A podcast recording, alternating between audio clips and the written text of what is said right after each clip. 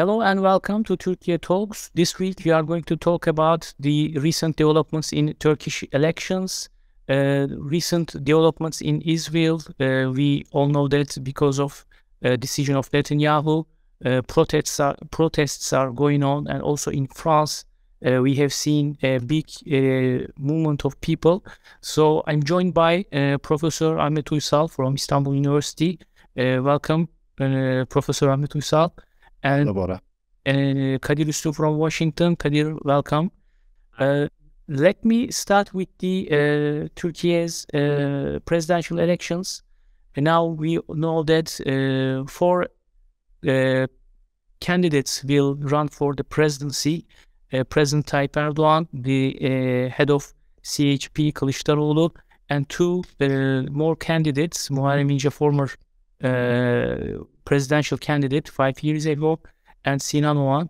Uh, Professor Ahmet Uysal, uh, how do you see uh, these Turkey elections uh, from uh, actually what I like I like you to uh, talk about? You know, recently there are lots of criticisms about Turkey's democracy, lots of arguments against Turkey's political stand, but we see a very lively uh, political uh, competition, and nobody knows what's going to happen uh, on the uh, night of 14th of May. So, uh, from this point of view, what uh, could you tell us? Hello, Bora and Kadir and other viewers and everyone around the world.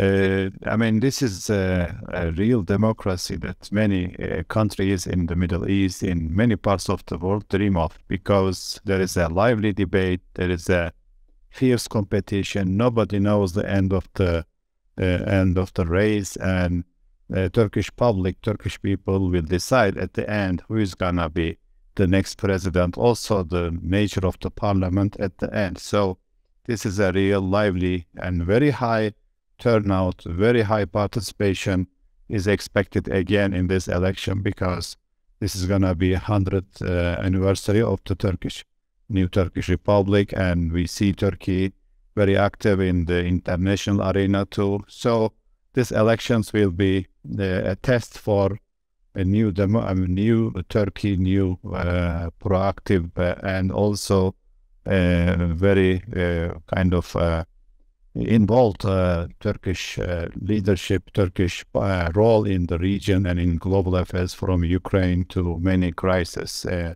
and many issues in uh, in Turkey. Of course, Turkey is hit by two major earthquakes and trying to recover uh, from the damages from the destruction of these two earthquakes, which is also very very well publicized, very well known around the world.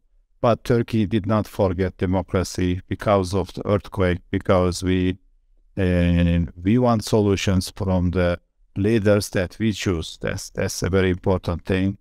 Uh, Israel for a for a long time we will come to that, but uh, we're also claiming they were the real democracy in the region. Now they we see they are backsliding uh, from that, and there are huge protests and stuff. Uh, but uh, Turkey is very active now, very, uh, very much uh, involved, very much participation uh, is expected in this election. And we have four candidates. I, I if you just meant, and as you just mentioned, four traditional parties: AK Party and the CHP, classical Republican Party, which is trying to update itself from the traditional Kemalism uh, we also have uh, maybe the the CHP former uh, candidate for uh, for the elections that uh, lost in the last elections, uh, and we also have one a minor candidate also that has that's building on on the argument against refugees and somehow what we see uh, maybe a radical right type of uh, uh, candidates in the in the West, uh, and we'll see. One is gonna uh, hurt. I think the, the outcome might be decided because of the plurality of of the candidates. The outcome may be concluded uh, in the second round because these these two candidates maybe is gonna make for anyone, either Erdogan or Kılıçdaroğlu, to to win in the in the first uh, first round. So uh, at a very uh, also we have a new a new situation with this uh, presidential elections uh, is is is a new thing in in Turkey and the first elections Erdogan won easily, but this time there are major alliances and alignments also encampment uh, with different parties and we have now coalition of six or seven. We have also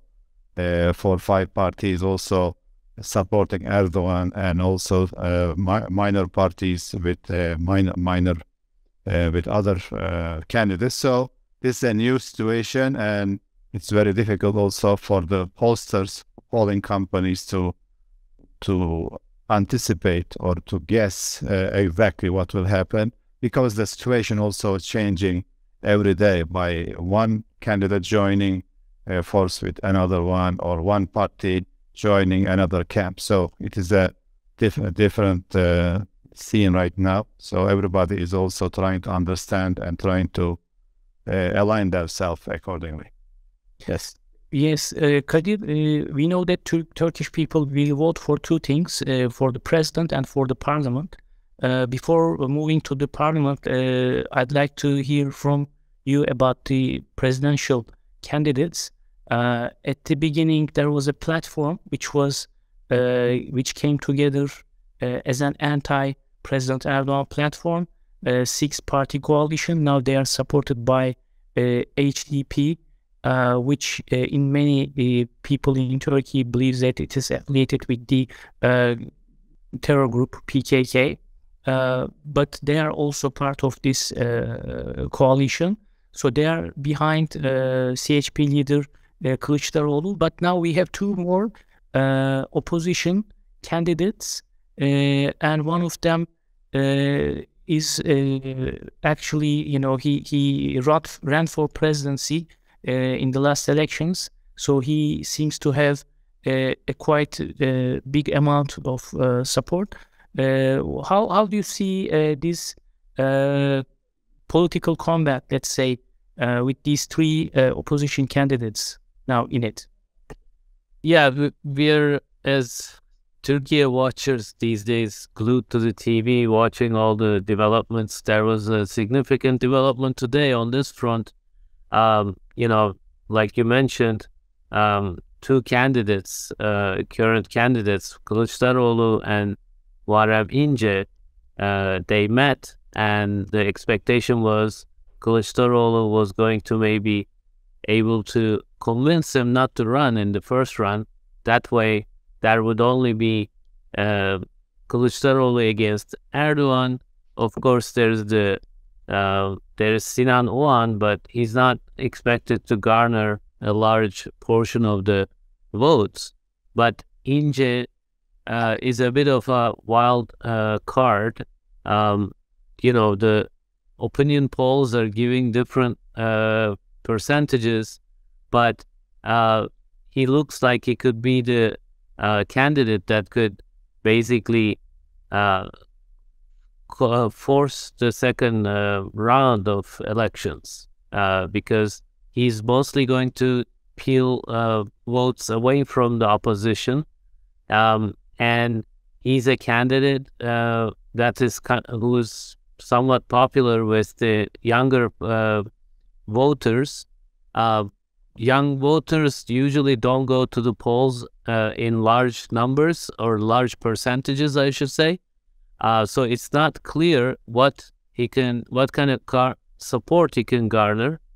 Uh, but if he gets something like, you know, three to five percent, this is significant, and that would uh, probably cause uh, some votes uh, to to for the parliamentary election for for uh, votes to be basically wasted, quote unquote, because uh, because of the election system um, that kind of favors more established larger parties um, they, he would get a lot, he would get votes, but he wouldn't necessarily convert them into uh, members of parliament. Uh, so a lot of votes that would have otherwise maybe go gone to the opposition uh, wouldn't go anywhere. They would be wasted in quote unquote. Of course, it's his de- democratic right to run, and we should always emphasize that.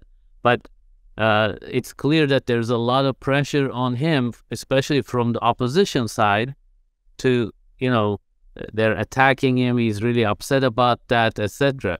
But he he seems to have now the critical role because, like you mentioned, HDP, the uh, Kurdish party, um, was uh, basically a political arm of the PKK in the eyes of many uh, observers uh, that party is now aligning with the opposition. They're not putting forward a uh, candidate of their own, which means anywhere from 8 to 10% of votes uh, that they have will likely go to Kılıçdaroğlu, which has alienated some, you know, nationalists uh, in the E party that is part of the opposition coalition they have also alienated a lot of people who, who are thinking about going to INCE, this uh, third candidate we've been talking about. So there's a lot of unknowns, but you know, April 9 is the last date that uh, that these uh, the the parties will uh, finalize their rosters, uh, their candidates for the parliament. But I think for the presidential candidacy, uh, we have only until April 1st. Uh, so the the opposition would have to convince INCE within a day or two uh, to, um, you know, not run, basically. And that doesn't look like it's going to happen, which means we might, uh, we might end up going to the second round. And in the second round, since a lot of parties won't be voting for, uh, voters won't be voting for parties, they're only going to vote for Erdogan and Kılıçdaroğlu, then it will come down to these personalities. Do you want Turkey to be led by Erdogan or Kılıçdaroğlu? In that kind of scenario, um, Erdogan might have an edge because, uh, you know, a lot of people um, who might not feel like, uh, you know, they had a strong showing in the first round. They may not go to the polls in the second one. But of course, these are ultimately speculations. It will really depend on what kind of strength you can show in the first round as the party, and then how much INCE can take away uh, from the opposition mostly, but he will probably also take votes away from other uh, uh, maybe the, the, the ruling party, ruling coalition as well. The ruling coalition has actually uh, been able to enlarge itself by adding uh, the Welfare Party recently, and then Hüdapar, which is the Kurdish Islamist party, we should say. So the opposition is a larger coalition, but the ruling party has now uh, three major three parties established relatively established parties join it.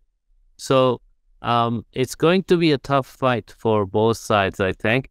Um, and we today's development uh, INCE's candidacy uh, that might push the election to the second round. Sorry i made this too long again no no. Uh, thank you for your comments. Uh, what about the, the parliamentary side of it? Uh, Professor Uysal, uh, we, do you think we will see more parties in the parliament? Because uh, as uh, Kadir mentioned, Muharrem İnce now feels a gap actually in Turkish politics because traditionally those who are familiar with Turkish politics know that there are two left wings in Turkey. One is nationalist, which was represented by uh, Bülent Ecevit in the past, who did uh, the Cyprus operation together with uh, Erbakan uh, during uh, in 1974.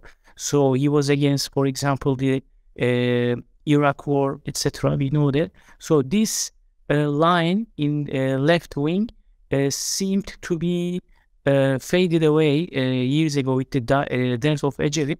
Uh, do you think uh, Muharrem İnce can bring this uh, into the uh, parliament again? Because he seems to be in line with his rhetoric. Uh, I don't know if you agree or not. Uh, and what kind of changes should we act, ex, expect when we think about the alliances? Also, Kadir mentioned the far right party. Do you think they will be in the party with this new electoral system? Yes, uh, I think uh, İnce uh, and other candidates will be competing on the traditional votes. Uh, we have a major conservative base, maybe like 60, 65%. We have a liberal base, which is not very much uh, common. We have uh, also secular base. So everybody trying to uh, attract these uh, uh. And uh, in the recent case, of course, the youth uh, free floating votes that are maybe, I mean, seeking or hoping for change, but not so eager, what's not so clear about the direction of the change. So the general discourse about opposition and uh, there should be a change and stuff, but what uh, uh, parties or what changes the parties can offer and can convince these voters.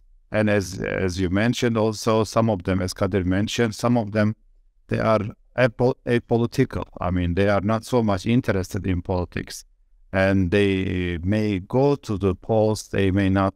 Uh, they go for the maybe in the first round, may not go in the second round, or it can be the opposite. But uh, at the end, we, we know the parliament, uh, I think, the joining uh, of uh, Muharrem party, Memleket Partisi, uh, to the to the race, if he can make it, or if even he he's under maybe the threshold, seven percent threshold, if he, he performs uh, more than uh, the uh, the threshold, can change the setup in the parliament. Because the parliament will be uh, important not as much as the president, but it's gonna be significant if the Millet uh, coalition uh, or the Millet uh, alliance, if they win the majority or not. So if they they were acting as a bloc, but uh, recently we've seen with the outside support by the HDP, which is also aligned with the PKK. Many people see that way, and I also see that way. They are kind of a political wing for the PKK. They are attracting um, Kurdish votes. They have about 10 to 12 percent vote, and if uh, if you mention this, uh, they are showing clear support for the Millet alliance. Uh, Millet means nation, uh, and also Cumhur means uh, public. Cumhur alliance we have, and we have also Millet alliance. And uh, if they they were they are promising ten percent support for the Kılıçdaroğlu, but are they gonna take away uh, as much uh, as they bring, or they need somehow, uh, I mean, full performance from from the members of uh, to beat Erdogan, which is a favorite candidate. We, he, he proved himself also. He can also uh, pull tricks from his uh, his hat. Uh, we we've seen that adding adding like uh, uh, the son of uh, Erbakan, uh, the uh, I mean historical Islamic uh, party, uh, and now his his son is leading uh, uh, Refah uh, again party or Refah revived or know the the naming uh, still uh, in I mean maybe translation it can be uh, different, but he he is now taking away the Islamic dimension of the Millet uh, Millet alliance because there was Saadet Partisi with them and taking some of the conservative votes with uh, with them to the other side to the other camp. Now with Erbakan and uh, uh, showing that uh, they are going to support Er- Erdogan uh, in the elections, it can make a big difference. I mean, one person instead of going to this camp and and coming back to this camp can make a big difference. If uh, first of all, İnce's party, Memleket Partisi, if they uh, overcome the threshold, if they do, they they will have a share in the parliament uh, outside the two alliances, which is, I think, which is a good thing. Instead of we having a polarized parliament, you have independent voices. They can act uh, upon different uh, cases in the uh, if there is any legislation. Plus, if Erdogan's Erdogan's party also, if they can get over over the over the threshold, again, this is gonna impact. If they like let's say if they have 5% each uh, one of them or both of them at the same time then you have maybe uh, kind of a 10% wasted votes that are distributed among stronger parties again this will help uh, AK Party first and then the CHP which are the uh, two major parties the bigger parties get the advantage this was designed to bring stability because in the 70s Turkey suffered from uh, from fragmentation in the parliament and lack of uh, stability in the country.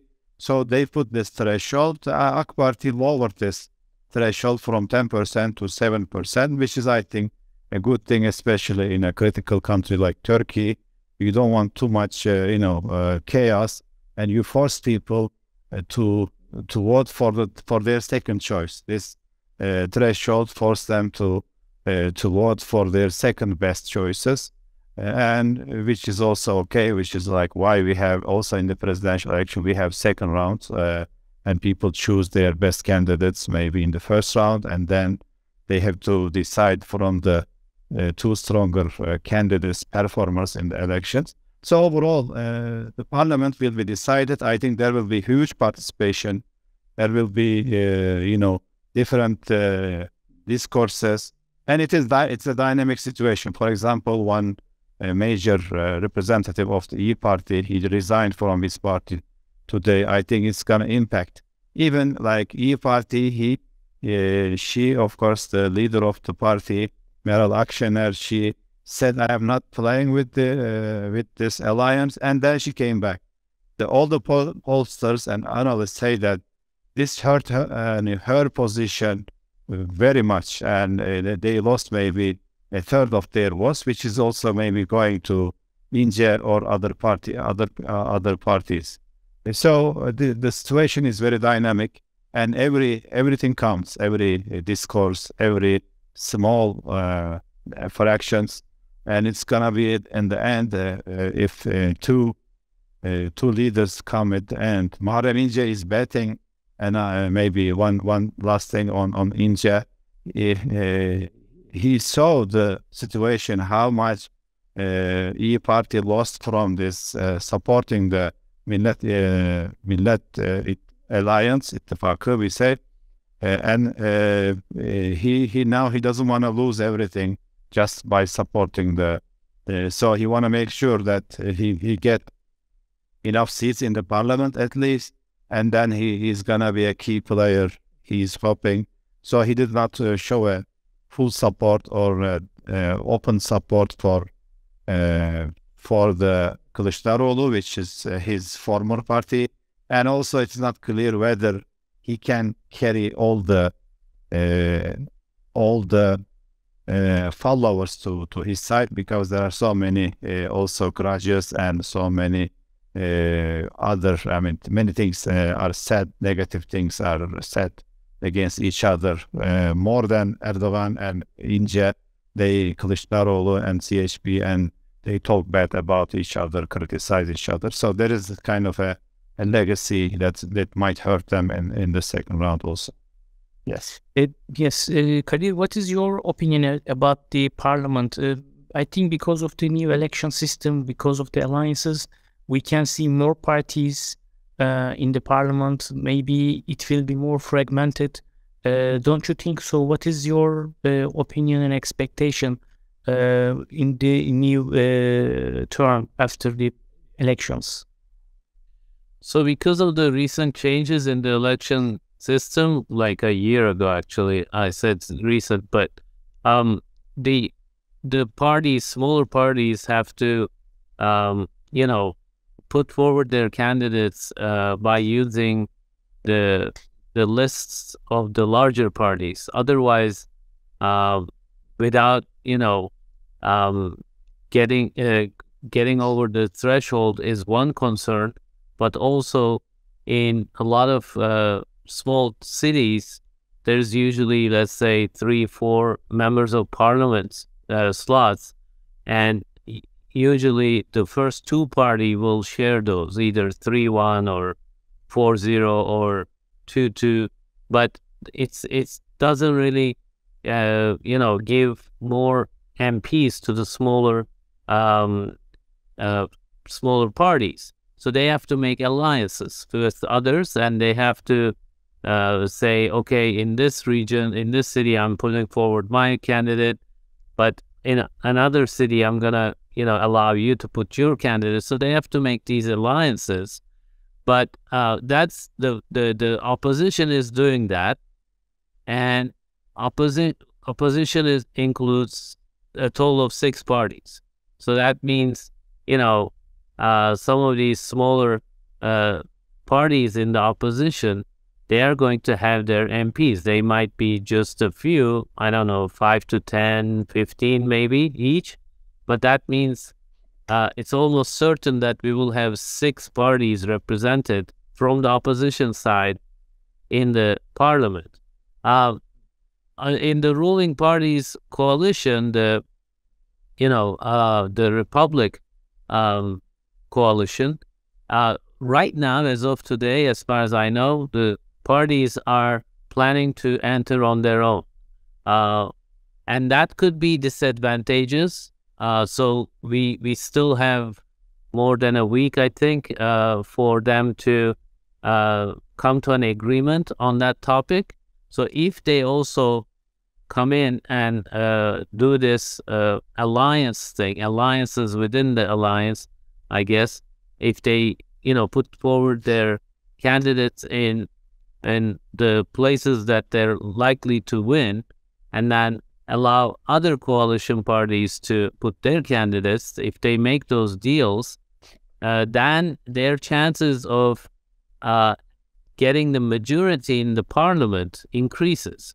Uh, so, but on the on the you know Republican coalition, there's four parties. So that means if they make this deal, they're sure to get in. Uh, so th- there will be ten parties. But I think since the election system still will force coalitions, uh, you will have many parties, but I don't think you will have a situation like you have in in Israel anytime soon because um, you know AK Party um, and CHP uh, these are large parties with you know large following. They will be, still be the dominant parties, and then they will uh, you know act. Uh, they will rule uh, one or the other uh, along with their parties, coalition partners, I should say.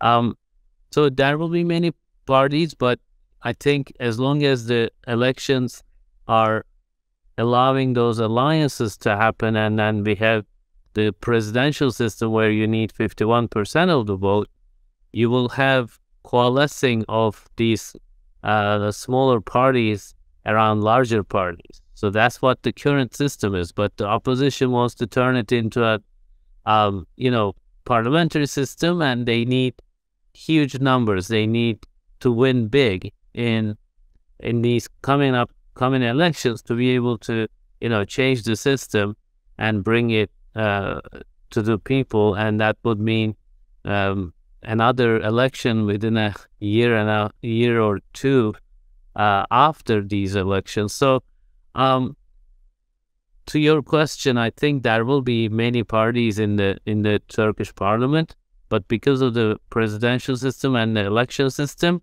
we will continue to see uh, forming of coalitions. Yes, Bora. May I, may I have two, two, two quick comments on the sure uh, on the parliament? Uh, one thing for the uh, CHP, uh, they they promised a lot of votes to a lot of seats to minor parties like Davutoglu, Babacan, and other parties. So uh, we we already know, and also India is showing a big competition uh, to to chip away uh, some of the CHP votes. how they are going to distribute, there will be some uh, some major internal, I think, internal skirmishes or internal internal uh, uneasiness within the CHP because there will be small room for winning any uh, any seat. So this will cause some headache uh, in the design in the uh, assigning the parliamentary uh, candidates a big headache. But of course, Kılıçdaroğlu, as the second point, he he focused on winning the presidential election, so he sacrificed almost uh, I mean, a significant role. He might lose also the majority uh, in the parliament as, as CHP. So uh, this is a risky gamble for uh, for Kılıçdaroğlu and the CHP, but they they see it is worth it because they will get uh, the presidential system and they don't care about the parliamentary system. And they, I don't think uh, anybody either will have the majority to change to the parliamentary system. Also, any new president elected, he will be willing uh, to go back because he will enjoy the the authorities and the the power the uh, the president has in Turkey. So they won't be uh, very uh, eager to to change or to to switch back to the parliamentary system. Yes. Yes. Uh, well, actually, uh, this is uh, very important. Uh, I was actually at the beginning. We talked about that we are we were going to talk about Israel and French uh, protests, but we have not much time, but as you mentioned, uh, you know, the uh, political system uh, is very important in a country, and maybe we can uh, talk a little bit about a few minutes at least about the protests in Israel uh, after uh, the decision of the government to make some revisions in a judicial system. People again have taken to the streets uh, over these plans. We have seen hundreds of protests, uh, thousands of people were in streets, uh, and it seems that Israel is moving to another crisis, uh, probably, of course, uh, because of the leader, but also because of the system. Uh, what would you like to say about that, Professor Uysal? Yes, I think very significant and First time we see Israeli politician complain about America and saying America is messing with the internal affairs. We have seen this in many Arab countries, and we see, we have uh, seen this in Turkey and many other uh, countries. But uh, Israel is complaining about America, U.S. Uh, intervention in domestic Israeli politics is very, very new, very weird, very also telling that Netanyahu lost maybe even his allies. And uh, Biden said uh, you should stop, uh, I mean, uh, leave this project of changing, uh, making major, major legal changes. And Netanyahu complained about it. and very, very interesting, but I think he, he kind of stuck in uh, in a in a political uh, impasse. So he has to back down from his uh, his project, his uh, his action. Uh, and uh, of course, Israel is when they don't find the external enemies, which is now more comfortable with deal of century with uh, Trump gave them a lot of rewards and things. And now Israel uh, focusing inside instead of outside. And uh, I think this is going to be more headache in, in Israel domestic politics and uh, no clear uh, maybe exit or no clear vision how to. It is uh, also a major ideological polarization with more right wing and more liberal and maybe leftist ideologies are colliding in Israel also as much as in many countries, and especially we've seen this in in America. Now, uh, how they are gonna get out of it, it's it's a very big situation, but we'll see more elections maybe if this uh, goes through. And at the end, uh, I see America as the supervisor uh, for Israel. If America really doesn't, I mean, I mean, wants to stop Israel, they can stop. I mean, they they have a huge leverage on Israeli politics. Yes. How, how much uh, it was an issue in the U.S., Kadir, uh, this protests in Israel? Um, yeah, it's been significant. Uh, it's been on the news uh, many times, and we knew that you know Biden uh, was trying to convince Netanyahu earlier this month uh, to give up on this uh, idea, but he didn't. And finally, yesterday, Biden uh, made some strong statements, and and like Professor Uysal said, Netanyahu responded with a tweet, uh, first saying, "I know Biden, and we're you know all great, we." etc. But the third tweet was like asserting Israeli sovereignty and not, you know, saying that you can't impose from outside, even if you're our best friend. But then, you know, he kind of uh, gave up on this for the time being. He postponed the measure uh, of, you know, changing the course structure.